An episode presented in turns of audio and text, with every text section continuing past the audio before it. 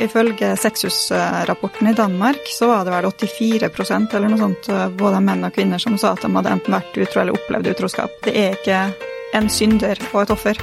Det er ikke noen som har gjort noe galt, og den andre er helt uten skyld. For utroskapen er jo kun symptomet. Det er mange flere ting i forholdet som er verre enn utroskap. Klimaks får du av nytelse.no. Sexleketøy på nett. Tone, velkommen til meg. Takk. Du er parterapeut og sexolog, Ja. og i dag skal vi snakke om utroskap. Hva er utroskap? Utroskap er jo eh, et sosialt konstruert begrep, så det er jo ikke noe fasitsvar på hva det er. Men hvis man skal si sånn på generell basis, så er det jo et brudd på den avtalen man har inngått i forholdet. Og for du har jo klienter som kommer til deg og eh, enten har opplevd utroskap, eller er den som er utro. Ja. Eh, Hva er det de vil ha hjelp til? De fleste vil jo bevare forholdet. De har lyst til å fikse opp med partneren, eh, og det veldig mange opplever, da, det er jo at Altså følelsen av at utroskap er det aller verste som kan skje i forholdet. Og det stemmer jo ikke. Det er mange flere ting i forholdet som er verre enn utroskap. Men eh, det må jo læres i parterapirommet, og at man må sette lys på hva som egentlig er sykdommen i forholdet. For utroskapen er jo kun symptomet. Så det de kommer til meg for, er å prøve å fikse forholdet, eller å finne en vei videre, da. Ja, Så hva som er grunnen til at den ene var utro? Mm. Er det sånn at det er en eh, syndebukk og en som er offer? De fleste som kommer i parterapi, ønsker jo at det skal være det. Ja. I hvert fall den som har opplevd utroskapen, eh, vil gjerne at eh, jeg som terapeut skal sitte med pekefingeren mot partneren. Eh, Og det er jo ikke sånn det fungerer i praksis, eh, for som sagt, utroskapen er jo kun et symptom. Så den som har vært utro, har jo som regel da opplevd udekka behov i forholdet, eller at forholdet har vært dødt såpass lenge at behovet for bekreftelse eller andre ting har blitt større enn troskapen til partneren. Eh, Så det er jo ikke noe synder eller offer i utroskap, egentlig. Det er jo Begge har gjort feil på sin måte. Så, For det? For det er jo sånn at eh, hvis jeg ikke får det her, så får jeg det et annet sted. Eh, Det kan jo være litt sånn eh, Siden jeg ikke ble noe for meg her hjemme, så eh, var jeg utro. Det kan være Litt det. enkel det, unnskyldning. det. Noen har den unnskyldninga, men som regel så er det behovet for å bli sett. Eh, man hører de som forteller at eh, når de forteller om utroskap, at de har vært utro, så er det behovet for bekreftelse, for å bli sett. At denne var utro med var hø hørte dem, lytta til dem. De følte nærhet, varme, ikke sant. Alt det de kanskje har unngått i forholdet, eller ikke fått i forholdet sitt på mange år. Mm. Men det kan jo være en ganske god grunn til at du ikke har fått det også, ja, ikke sant? Og Altså, der er det jo to stykk i forholdet. Ja, Eh, men fordi at det, eh, hva som er utroskap er jo veldig individuelt. Noen syns det er utroskap at noen nesten bare ser på en annen, eller hvis man har kontakt med en annen, møter noen på byen og flørter, at det er utroskap for noen. Eh, Andre syns hvis du går og skriver meldinger med noen over lang tid, så utvikler man et slags forhold ved siden av, selv om det ikke er noe sex involvert, eller at man har noe kontakt. Mens noen kanskje bare ender opp med å ha en one night stand og ikke hatt, veit ikke nesten hvem det er, men lå med noen andre, og så er det utroskap. Utroskap kommer i mange former og farger. Og det er det som er veldig fascinerende for meg som parterapeut og sexolog, da. Det er jo at mange tror at utroskap er sort-hvitt. Du har gjort noe galt, og så har du hatt sex med noen, og så ødelegges forholdet, eller så skal man tilgis. Og vi ser jo det at utroskap inneholder jo hele fargespekteret. Pluss fargespekteret inni hver eneste farge. Det er masse, masse nyanser å dykke ned i. Og hva utroskap er, er jo som sagt veldig, veldig individuelt. Og det er veldig mange som sitter i sofaen min og sier at ja, men jeg visste ikke at jeg var utro. Nei. Fordi at partneren mener at fordi han dansa med henne, eller hun flørta med han i baren, eller at man, gikk, man så på film alene med en kompis eller en venninne, så var det utroskap. Sjøl om det ikke er noe sex eller eh, flørting eller kyssing involvert. Så man opplever jo veldig ofte at par ikke har snakka sammen. I hvert fall monogame par, da. De snakker ikke sammen om hva er egentlig utroskap for hver av oss. Og De som det- er åpne, er kanskje mer flinke til å definere hva som, hva som faktisk hvor grensa går, da. Ja, vi som lever i åpne forhold, vi lever jo et åpent forhold sjøl, og der defineres det jo veldig tydelig. Og det vi opplever med de som er polyamorøse eller opplever åpne forhold, de har veldig klare grenser. De har snakka om det allerede på første date, eller eh, når de åpner opp forholdet. Hva er utroskap? Mm. Det finnes jo masse utroskap i åpne forhold også, men man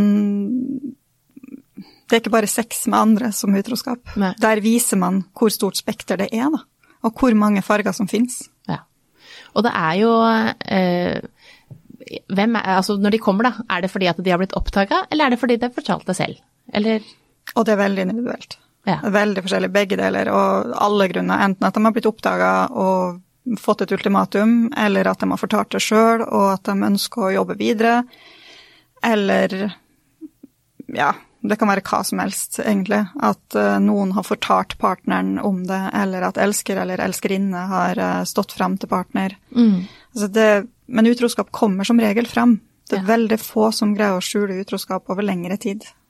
Men er det når, når det er den, den man er utro med, da, som, kommer, som står fram, er det fordi at det har blitt følelser inne i bildet, og egentlig har den har lyst på partneren? Ja, i mange tilfeller er det jo det. Ja. Uh, og da kan man jo sette spørsmålstegn med hvor ærlig den som har vært utro mot partneren sin, har vært med elskeren eller elskerinne, og hvilken grenser som er satt opp der. Men uh, når det er noen som da står frem til partneren om at uh, kjæresten din er utro med meg, så ser man jo det at det er følelser involvert. Eller at de plutselig får kjempedårlig samvittighet. Eller at de føler seg såra av partneren Ja. og vil hevne seg ved å stå frem til ektefelle eller kjæresten. Ja, for det skal jo noe til, da. Og, og hvis man har et forhold over lang tid, uansett om det bare er på meldinger for den saks skyld, eller man treffes innimellom, så skal det jo noe til å ikke utvikle følelser for hverandre.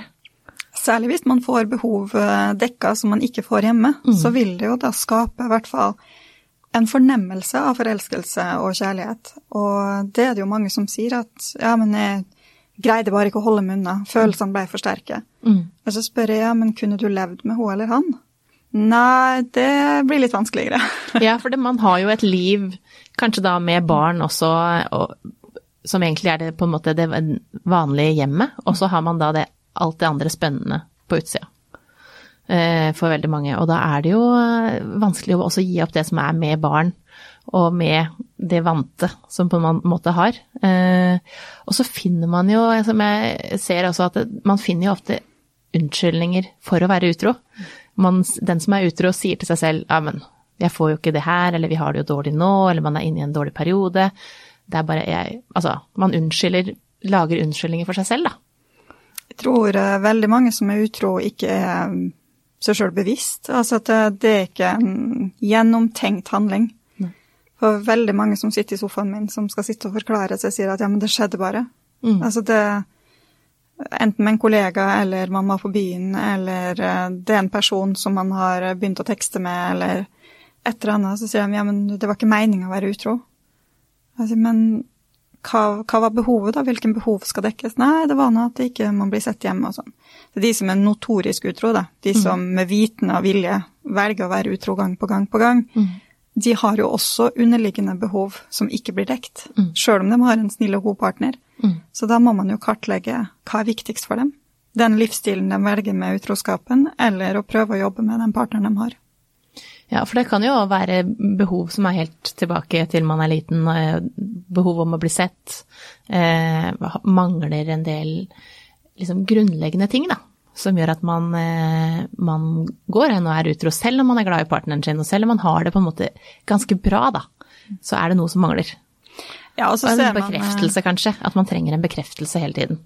Ja, både bekreftelse, og, men også det ser vi også ofte at de som er utro, har hatt utro foreldre. For eksempel at de har ikke lært seg egentlig grenser på den måten, og de har ikke lært seg rett og galt med tanke på utroskap. Eh, Og vi ser også når vi dykker ned i de som har vært utro, så er det masse underliggende der, enten fra barndom eller ungdomstid, eller ting som skaper det behovet, da. Og skaper Hva skal jeg si Ja, at de, de søker bekreftelse og følelser og det å bli sett og hørt andre plasser, da, hvis de ikke finner det hos partner. Og så syns jeg ofte det er litt sånn eh, Ja, mannen var utro. Men han mannen som, alltid, som man alltid snakker om som er utro, og som på en måte går ut av forholdet er utro, han er jo utro med noen, og han er jo ikke alltid utro med noen som er singel. Nei. Hvor mange er det som er utro? Og det er veldig Altså, man sier jo det at i hvert fall 70% av de som er i forhold, har opplevd utroskap eller vært utro. Mm. Men det er jo veldig, veldig flytende tall, det her. Ja. Sant? Og det er vanskelig å egentlig sett en statistikk på. Ifølge Sexhus-rapporten i Danmark så var det vel 84% eller noe sånt, eh, både menn og kvinner, som sa at de hadde enten vært utro eller opplevd utroskap. Mm. Og det er jo et skyhøyt tall. Altså det er jo nesten alle par, det. Ja, og, I forhold til Jeg tror jo dette her er noe som alle kjenner på innimellom. Eh, for eh, om du da er i forhold og har vært det i over lang tid, så skal det jo også noe til at du aldri møter noen utenfor som er interessant, og at man blir litt forelska, faller litt for noen eller blir betatt av noen. Jeg ser liksom for meg at eh, livet vårt er et, en, en, trestamme. Og på den trestammen så kommer det mange greiner, og så kan du velge å gå ut på noen av de greinene. Noen velger å gå trestammen og klatre rett opp, mens veldig mange går ut på en del kvister og, og greiner i løpet av livet. Er du enig? Jeg tenker at eh, mennesket er jo bevist ikke monogame. Som menneskeart eller som dyreart er vi ikke monogame. Vi kan eh, være forholdsmonogame, at vi finner oss en livspartner og er gift eh, resten av livet, skulle jeg si. Men uh, skilsmissestatistikken viser jo noe annet. Men vi er ikke seksuelt monogame. Så vi vil i løpet av livet, sjøl om vi har funnet vår store kjærlighet, fatte interesse av andre, enten at vi forelsker oss eller tenner på andre, eller finner noen som vi treff på som vi kunne hatt sex med. Mm. Og så er det jo opp til arv og miljø, skulle jeg si, altså hva man har vokst opp med og hvilken bakgrunn man har, som viser hvilken vei man går. Velger man å være utro og følge de følelsene, mm. eller velger man å holde seg til partner? Så det, det går jo på valg. Mm. Men for mange så vil det være så vondt og dødt i forholdet at de tenker at livet er ikke langt nok. Altså, vi har lyst til å leve, men vi har ikke lyst til å forlate den trygge havnen. Mm. For det er veldig lett å si at ja, men hvis du interesserer deg for noen andre, så bare gå fra dem, da. Ikke sant, gå fra partneren din. Men som du sa i sted, det er jo ofte barn inne i bildet, det er hus, det er boliglån, man har forpliktelser, kanskje kredittkort som ikke er betalt, ikke sant. Altså det er så mye i rundt den der mm. noe trygge familieramma. Bildet er større enn akkurat det der å ha sex med noen andre. Det er akkurat det. Og, og det er jo eh, man, man, kan jo, man, kan jo, se sånn at det, mange er, er den trygge havnen, og så går de ut og har ja, en elsker her og en elsker der i løpet av livet, da. Og så blei ikke det noe mer. Eh, og mange forteller jo ikke om det. Er det sånn at det man ikke veit, har man ikke vondt av? Det går jo på samvittigheten til hver enkelt. Mm. Eh, jeg er jo veldig for ærlighet og åpenhet, og jeg mener at man kan kun få det bedre av å kommunisere, mm. selv om de vonde tingene. Og utroskapen har jo oppstått for en grunn.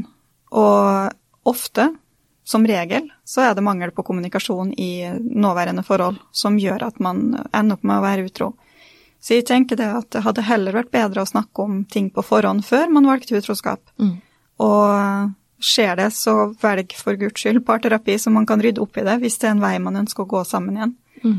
Så kan man jo snakke om tilgivelse, og det å tilgi, det er jo et annet kapittel.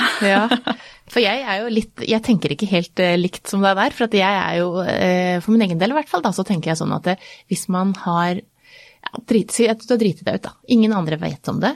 Du vet om det selv, så, sånn at, så, så, du kjenner Den straffen på en måte er til deg uansett, eller til partneren, altså den som er utro, da.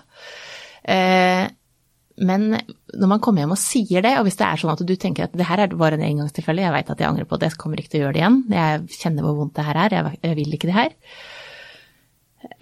Um, og så føler jeg nesten at det er litt sånn Ja, at man ikke skal si det. At, for at jeg tenker at det, det gir mer skade da, hvis jeg får vite at du har vært utro en gang og driti deg ut. Jeg føler at det, det burde du ikke fortelle til meg hvis du, har tenkt, hvis du har tenkt å fortsette i det forholdet her. Så burde du ikke fortelle det til meg, for det ødelegger mer enn det, enn det gjør bra. Da, for da blir jeg mer i tvil på andre ting også. Hvis dette her var et engangstilfelle, da, hvis ikke du er sånn at du er fast, da, at du ligger med noen, eller at alle andre vet om det, så blir det liksom en annen sak. Men uh, jeg er litt sånn, det du ikke vet, har du ikke vondt av hvis det er noe sånn, hvis du egentlig har tenkt å være i det her allikevel. Og der er det veldig mange som ikke er enig med meg. altså, jeg, jeg, er enig med det. Altså, hvis partneren min hadde vært uh, utro mot meg altså Nå har jo jeg et åpent forhold, som sagt, så utroskap er noe litt annet enn å ha sex med andre. Mm. Men hvis en monogam partner hadde vært utro, og det var et engangstilfelle, og det ikke var noe følelse inne i bildet, mm. så ville jeg nok ikke visst. Mm. Uh, men Jeg tenker at det må være Jeg tenker at det er ikke noe rett og galt svar her. Jeg tenker Nei. at det blir opp til hver enkelt hva man har behov for. Og jeg vet om flere som har opplevd utroskap, som sitter i sofaen min og sier at ah, men jeg skulle bare ønske du kunne snakke med meg om det. Jeg skulle ønske du fortalte det før. For det er mange som oppdager utroskapen flere år etterpå, og så blir det det sviket som blir tøffere å bære enn sjølve utroskapen. Det blir at det har vært en løgn i forholdet som har vart så lenge, da. Ja, særlig tenker jeg hvis man sier det såpass lenge etterpå, eller man finner det ut såpass lenge etterpå, så kan du like godt la være. Altså sånn, eller hvis du hvis du tenker at jeg skal si at det for fem år siden så gjorde jeg det her, dropp det, for, at det, for det syns jeg er mye verre, da. Altså når du holdt det hemmelig så lenge, kan det like så godt bare være sånn. Men plutselig finner man det jo ut av omveier, ikke sant. Ja, det er en venninne som være. kommenterer noe, eller noen som har sett noe, eller at elskeren eller elskerinna står fram, ikke sant. Og det, det er mange måter å finne ut av utroskap på, som man kanskje ikke tenker på. Og um, ja, det blir den der nå hva blir best? Så det er jo et individuelt spørsmål. Hva blir best for det, og hva blir best for meg, og hva blir best jo, for partneren? ja, og det er jo, tenker jeg, en sånn fin ting å ta opp ganske tidlig. Eh, hva tenker vi om det, hvis vi skulle For vi, som vi snakket om også, det her kommer til å skje i alle par. Du kommer til å falle for noen eh, utenfor, og du kommer til å Noen vil falle for fristelsen, da. Hva, hvis det skjer i forholdet vårt, hva gjør vi da, og hva tenker vi om hvis du er utro mot meg, hva tenker jeg at eh, Bør du si det, eller bør du ikke si det? Så det er jo en ting som eh, man kanskje skal ta opp tidlig. At man, åssen man vil vite sånne ting. Jeg tenker også at det er veldig viktig å gi hverandre lov til å få følelser for andre og tenne på andre, og heller snakke om det med partneren enn at man skal gå ut og forfølge den følelsen og det behovet. Og så heller finne ut av hvordan kan vi deale med det som par. At det har oppstått følelser for noen andre før det går så langt at det er utroskap. Men så er man redd for å si det, at nei, åh, jeg syns den nye naboen er skikkelig hot. Eh, fordi at man er så redd for å såre partneren. Og man er redd for å skape et kontrollbehov og sjalusi hos partneren. Så det er veldig mye et forhold som går usagt. Og det syns jeg er veldig leit, for det sitter jeg som parterapeut og ser at eh, åpenhet hadde vel løst ganske mye. Ja. At man hadde snakka sammen. Ja, og man er jo redd for å såre den andre, og det gjelder jo i alle sammenhenger, om det er ja, Hvis du syns naboen er fin, da, altså hvis det er det som er greia, at det er sånn Ja, men jeg, sånn kommer jo aldri jeg til å bli. Eh, at man da At føler At man føler veldig mye rundt det, da, eh, istedenfor å bare Det her er helt normalt, det her Han på jobben min, han er helt eh, Han er dritkjekk, han òg. Så altså at man heller Dette her er for begge. Det er ikke noe sånn at mannen er bare sånn, eller kvinnen er bare sånn, eller at det her gjelder jo for absolutt alle. Ja, Man snakker jo ikke om sjalusi i forhold heller.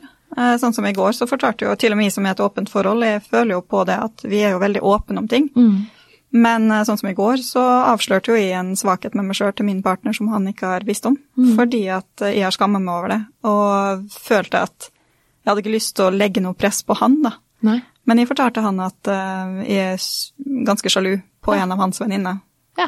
Og det er jo ikke noe sex inne i bildet, og det har jo ikke vært dem er jo ikke ekskjærester eller noen ting. Men hun er veldig flott dame, veldig smart, ligner meg på veldig mange måter, det fant vi ut i går. Eh, og det har vært liksom hver gang jeg har hørt navnet hennes, så har jeg kjent litt på åh, hun der. Ja, ja, og, Og det, det har vært en sånn skam for min del, da, at eh, jeg som egentlig lite sjalu, er sjalu på en av hans beste venninner. Eh, Så det har jeg jo holdt, ikke hemmelig, men jeg har latt være å si det, da. Så i går så kom vi inn på en sånn naturlig samtale der det var naturlig å si det. Altså, Så han flirte jo litt, og så snakka vi jo ut om det og fikk klarhet i det. ja. Og eh, det er det veldig mange par som ikke gjør. De holder sjalusi hemmelig, og de holder Altså det blir en sånn skadelig sjalusi, da. Istedenfor å kunne åpne opp om parter og si at vet du hva, den personen der har et problem med. Og så istedenfor at det skal bli partnerens problem, så snakker man om det, og så prøver å løse opp i det. Så eh, jeg syns mange par burde snakke litt mer om både sjalusi og det å tiltrekkes av andre og sånn, uten at man trenger å ha et åpent forhold. Ja, og det er jo lett å bli sjalu, altså særlig i starten, da, eh, på, et, eh, på venner. For hva, hvor gode venner er dere? Åssen forhold har dere hatt tidligere? Eh, hva er relasjonen deres? Har dere flørta tidligere? Åssen er det her? Hun er veldig pen, hvor ofte har dere kontakt? Altså, blir, det er masse spørsmål som kommer rundt, særlig i starten, da, når man blir kjent med vennekrets og, og, og dens liksom, omgangskrets, rett og slett. Da. Og, hva er, er forholdet til alle de forskjellige? Ja, jeg har jo ikke møtt henne som jeg innrømmer å være sjalu på. Nei. Jeg har kun sett bilder av og sett meldingene hun kommenterer på Facebook-statusen hans og sånn, så det er jo ikke noe verken hun eller min kjæreste har gjort for å gjøre meg sjalu. Nei, nei, nei. som har Men sånn her er jo helt... det er også bare sånn det er. Ja, og så det- kan man jo ikke si hvorfor man blir sjalu bestandig heller. Nei. Så Det er jo i en selv. Mm. Men eh, som eh, ordentlig stalker som jeg er, så kjenner jeg meg godt igjen i det her å, å sjekke kommentarfelt og liksom hvem er det som kommenterer. Er det noen samme som liker alltid? Er det de samme som kommenterer? Og åssen skriver du? Hva slags emoji bruker Altså helt ned på eh, detalj og hvem det er. Og da kan jeg finne ut absolutt hatt han den personen. Ja, for jeg pleier ikke å sjekke sånn, ja, men det kommer jo opp på Facebook-wallen min når han eh, har lagt ut en status, og da ser jeg jo når hun Mm. Det er noen man legger sånn, merke det- til mer enn andre. Ja, det, det er noen som eh, skiller seg litt ut. eh, Ja. Så, men eh, jeg syns det var en spennende reise i meg sjøl, da. Å kjenne både på den sjalusien til hun, men også skammen jeg hadde i meg sjøl på at jeg var sjalu. Så det Ja. var veldig deilig i går når jeg åpna opp til kjæresten min og sa at du, vi er nødt til å prate. For det er jo litt tabu rundt det her med å være sjalu, for ingen vil jo være sjalu, for det betyr at det, jeg prøver å ha kontroll på deg, eller jeg er usikker. Eh, og eh, ingen vil jo være usikker, og det, da innrømmer du jo en svakhet, og det er jo Det, det sitter jo ganske langt inne. Det gjør det. Men heldigvis så har jeg en kjæreste som møter meg på en veldig god måte uansett hva jeg kommer til han eh, med. Mm. Men jeg vet om par som åpnes om sånne ting og blir møtt på en veldig dårlig måte fordi at man skal ikke være sjalu, eller man føler seg kanskje angrepet, for da har man gjort noe galt hvis partneren er sjalu. Mm. Men sjalusi er kun inni en sjøl. Ja. Man må løse opp i det på egen hånd. ja og så er det jo også noen som eh, kan prøve å gjøre den andre sjalu. At man gjør en del ting som for at den andre skal bli sjalu. Helt klart. Og da blir det jo noe helt annet. Ja. Da er det jo sjalusi som blir skapt, men da må man allikevel jobbe med seg sjøl av hvor mye tolererer jeg av partneren min. Hvis man legger merke til, for det har jeg også opplevd. Jeg hadde en, en av mine første lekekamerater når jeg var 19, 20, 19, 18, 19. Uh, Han var en kollega, og um, han jobba aktivt for å gjøre meg sjalu. Så jeg var ikke en sjalu person når jeg møtte han, jeg ble sykelig sjalu etter eh, noen måneder med han. For han gjorde det han kunne. Ikke sant? Og fordi at jeg var ung og naiv, så holdt jeg jo ut veldig mye lengre med han enn jeg burde. Og der merka jeg at jeg måtte jobbe lenge med meg sjøl i etterkant. Jeg jobba i hvert fall et par år med meg sjøl etterpå. Eh, Men der er det også at man må gå inn i seg sjøl. Hva tolererer man fra andre? Hva tolererer man i et forhold? Hva tolererer man hos en sexpartner? Og så bryte ut hvis det ikke er tole, tole, hva det kalles? Ja, at ikke man så klarer Tolerabelt. Mm. Ja. Ja, og, og det er jo veldig viktig akkurat det der, for det er jo en Sjalusi er jo også det å være sammen med en sjalu partner som er sykelig sjalu. Eh, det er veldig skadelig. Eh, og det kan jeg si at det anbefaler jeg ingen, jeg har også prøvd det. Sånn at det, for da er det et slags kontrollbehov hele tiden. Hvor er du, hvem er du med, var det noen som var, åssen så de ut? Eh, altså alle slags spørsmål som, ikke har noen ting å si for hvem jeg er, og åssen forhold vi har. Sånn at eh, sjalusi er jo på en måte sunt, men det er, når det går over en viss grense, så er det jo rett og slett skadelig. Sjalusi er jo også veldig forbundet med utroskap. For hvis en partner går og mistenker partneren sin for å ha vært utro, og hele tida går og mistenkeliggjør partneren sin fordi at man kanskje har opplevd utroskap i et annet forhold, så kan den som mistenker for, for utroskap, faktisk være den som ender med å være utro for at de skal hevne noe man tror er der. Mm. Det har jeg sett mange tilfeller av. Og det er jo fascinerende at man da gjør den forbrytelsen i hermetegn, da, som man eh, mistenker partneren sin for å gjøre. Eh, Og jeg har noen par i sofaen der som har akkurat den problemstillinga nå, og det er fascinerende hvordan det kommer dit. Ja. Så sjalusi, det, det er roten på alt vondt, altså. Og det er mange som sier ja, men det finnes sunn sjalusi. Hvis man greier å prate om sjalusien, så er det en sunn type sjalusi. Hvis man kan snakke med partneren om det, åpne opp og gå inn i seg sjøl og finne ut hvor stammer den sjalusien er fra, så er det en sunn type sjalusi, hvis man er villig til å jobbe med det. Hvis det tar over livet, og det blir den kontrollen, som du sier, og ja, at det fører til utroskap og sånne ting, da er det jo virkelig ikke bra. Nei, Så sjalusi må man jobbe med. Også for å unngå utroskap.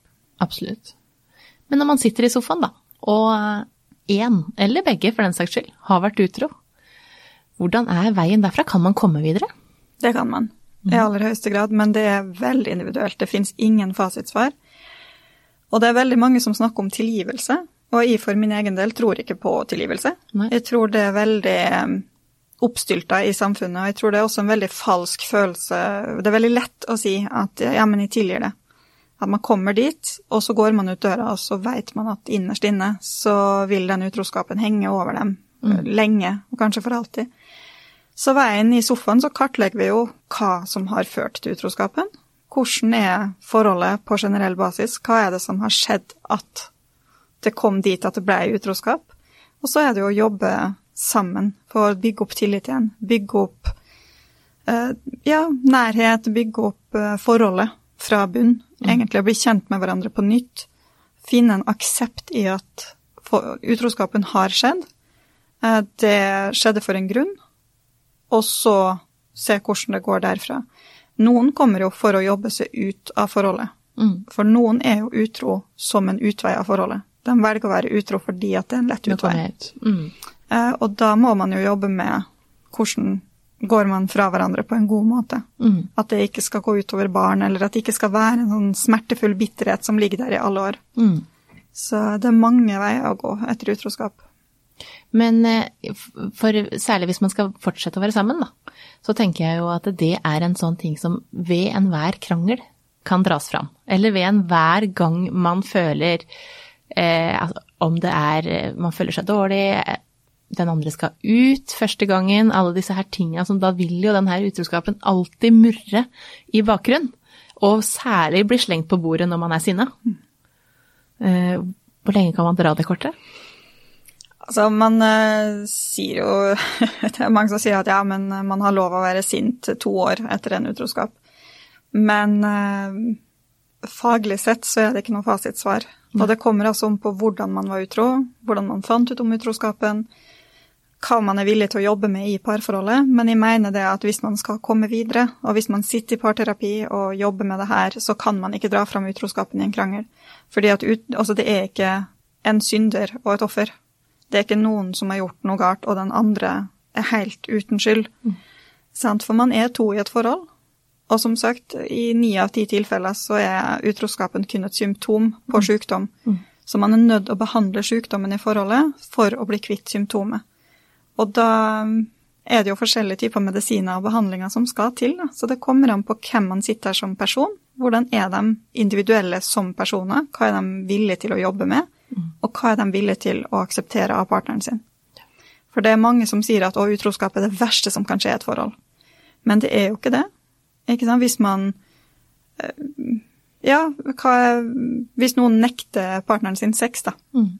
Hvis man er i et forhold der den ene parten ikke vil ha sex, og man ikke har sex på flere år, man har tvunget partneren sin inn i sølibat, er det bedre enn at da den andre velger å fortsette forholdet og være en kjærlig og god partner, men at man får sex en annen plass? Altså, hva er da verst? Det å nekte partneren sex, eller at partneren finner seg sex en annen plass, istedenfor å presse partneren sin for sex? Så det er veldig, veldig mange farger og former her, altså. Men det er jo sånn at det, i alle forhold så er det jo forskjell, eh, altså varierer det jo hvor ofte man har sex. Eh, og i perioder så kan det være ingenting. Eh, det kan være mange forskjellige grunner til det, om det er sykdom, altså enten hos han eller henne, eller fødsler, altså det er mange ting som spiller inn. Og det er jo ikke sånn at man bevisst har eh, på en måte nekta den andre sex, men den får ikke noe sex. Er det sånn at det, det er mer utroskap, f.eks. da mens eh, en partner er gravid eller er rett etter fødsler og sånne ting? Nei, det er det ingen forskning eh, som viser, så vidt jeg vet. Eh, fordi man går jo inn i den der nå partnerbobla. Men hvis det ikke blir sex ett, to, tre år etter fødsel, så merker man jo at det blir desperasjon hos begge parter. For det kan jo være frustrerende for den som ikke har lyst til. Og det er veldig mange som sitter i sofaen min av f.eks. kvinner som sier at vet du hva, jeg har ikke lyst. Og jeg føler at jeg er nødt til å ha sex med mannen min regelmessig, fordi at han fortjener jo sex. Og så presser de seg sjøl til det vi kaller pliktsex. Ja, og det er jo nettopp det jeg tenkte på. For at det, man skal jo ikke ha pliktsex fordi man er redd for at partneren skal være utro. For at det, hvis den ikke har fått sex på så og så lenge. Og det gjelder jo begge veier. Altså man skal ikke gjøre ting man ikke vil.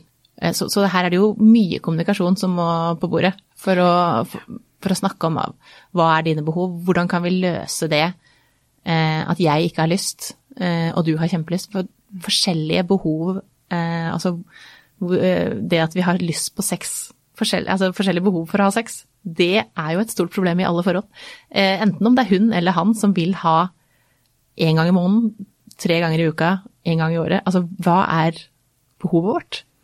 Altså det jeg hører veldig mange kvinner sier, da, det er jo at de mister sexlysta. Eh, og at de da ikke eventuelt tenner på partner lenger, eller at de er stressa. Og mangel på lyst er jo ikke at det feiler personen nå.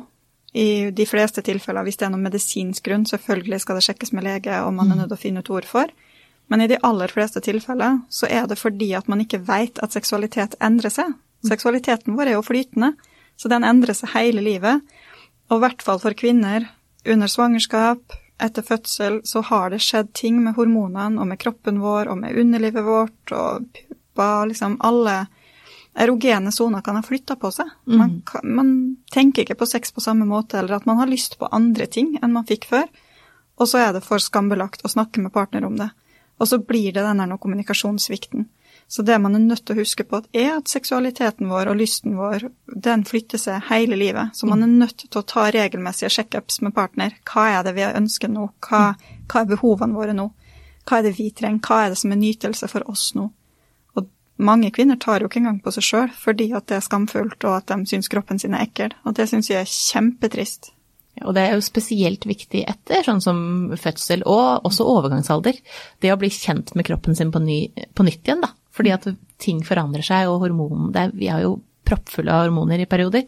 Sånn at det, og, og, når kroppen forandrer seg også, så er det å akseptere bare det at kroppen har forandra seg, eh, og bli kjent med erogene sonene sine på nytt. og også la partneren bli kjent. Først bli kjent med dem selv, men eh, for du må jo faktisk bli kjent med dem selv for at du skal lære dem bort, og hva som må til, da. Eh, og så er det jo ikke sånn at man går Selv om man mista sexlysta, så er det ikke sånn at man ikke har lyst til å ha lyst. For vi har jo lyst til å ha lyst, selv om man i perioder har mindre lyst. Det er akkurat det, og da er det å finne ut hvordan kan den lysta vekkes igjen. Mm. Og der er det jo en sexolog kan hjelpe å gå enten i egenterapi til en sexolog, eller å gå til en parterapeut og finne ut av det sammen. Men manglende lyst er gjerne noe som man er nødt til å jobbe med seg sjøl først, og så faller brikkene på plass på hvorfor plutselig partneren ikke var så sexy lenger, eller hvorfor man plutselig ikke har lyst lenger. Mm. Og det går som regel alltid inn i at man ikke kjenner seg sjøl lenger, og at man har glemt hvem man er. Mm. Og man har glemt nærhet og tillit til partner. Og veldig mye av det vi vil snakke om i parterapi, det er nærhetsøvelser. Vi mm. snakker ikke så mye om det å tvinge seg til å ha sex, og at man må ha sex så og så ofte. Vi snakker om det å finne tilbake til nærheten og tryggheten til partneren sin. Mm. Og der vil også lysten komme. Men så snakker vi også mye om kosthold, om det er stress. Er det barn inne i bildet? Hvor lenge siden er det siden fødsel? Eh, ønsker man et nytt barn? Er man redd for å bli gravid igjen? Det er masse sånn. Har det vært sykdom i familien som har skapt sorg eller stress? Så vi kartlegger veldig, veldig mye. For lyst, det er ikke generert bare av sex og orgasme, at jo mer sex man har, og jo mer orgasme man har, jo mer lyst får man. Nei, det er mange ting som spiller inn. Det er veldig mange ting. Så det kartlegger vi i terapien. Hvordan kan vi bygge opp igjen lyst? Hva er det i livet ditt som har tatt bort lysten, og hvordan kan vi finne tilbake til hva mm. du får lyst på, eller hva skaper din lyst? Ja. Det er ikke noe fasitsvar på det, dessverre. Nei, men det er en mulighet, og det er eh, opp til hver enkelt å definere hva som er utroskap.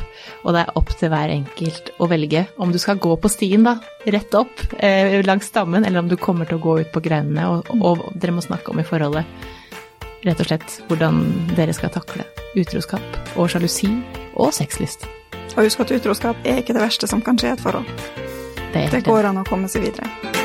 Klimaks fikk du av nytelse.no. Sexleketøy på nett.